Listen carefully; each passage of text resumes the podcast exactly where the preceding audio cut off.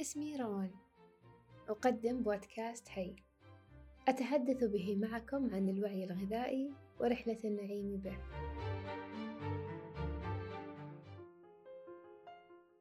قبل نزول الإعلان بساعات معدودة راودني سؤال ماذا لو لم يسمعني أحد؟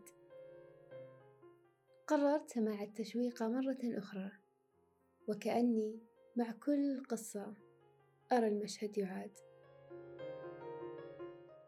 تحليل النتيجة الأخير الترقب ليلة موعد الطبيب الخطوات الثقيلة سماع الخبر بالمرض الصمت الحيرة البحث وخطوات السعي وبداية الطريق.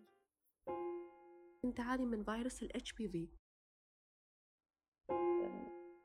الغدد اللمفاوية انتفخت تصير مثل حبة الحمص يعني تنتفخ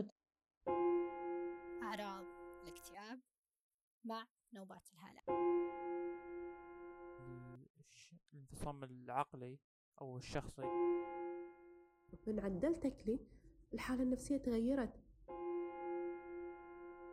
خوف راح وبروحه نشاط بالجسم غير طبيعي. إن قديش صارت مشاعري أحسن وأجمل ومنطلقة للحياة أكثر. عايشة بسلام داخلي مع نفسي مع مع العائلة مع ربي. سلام غير طبيعي حتى سلام مع جسمي.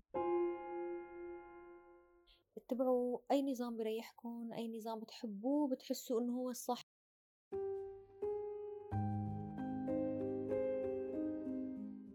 ماذا لو سمعني من كان في رحلة البحث والسعي والتغيير؟ ماذا لو كانت هذه الحلقات رفيقته حال خروجه من العيادة؟ ماذا لو كان الأمل في أصواتهم كاسرا لحاجز الصمت الرهيب ورتابة الأيام؟ كونوا بخير وألتقيكم على خير بإذن الله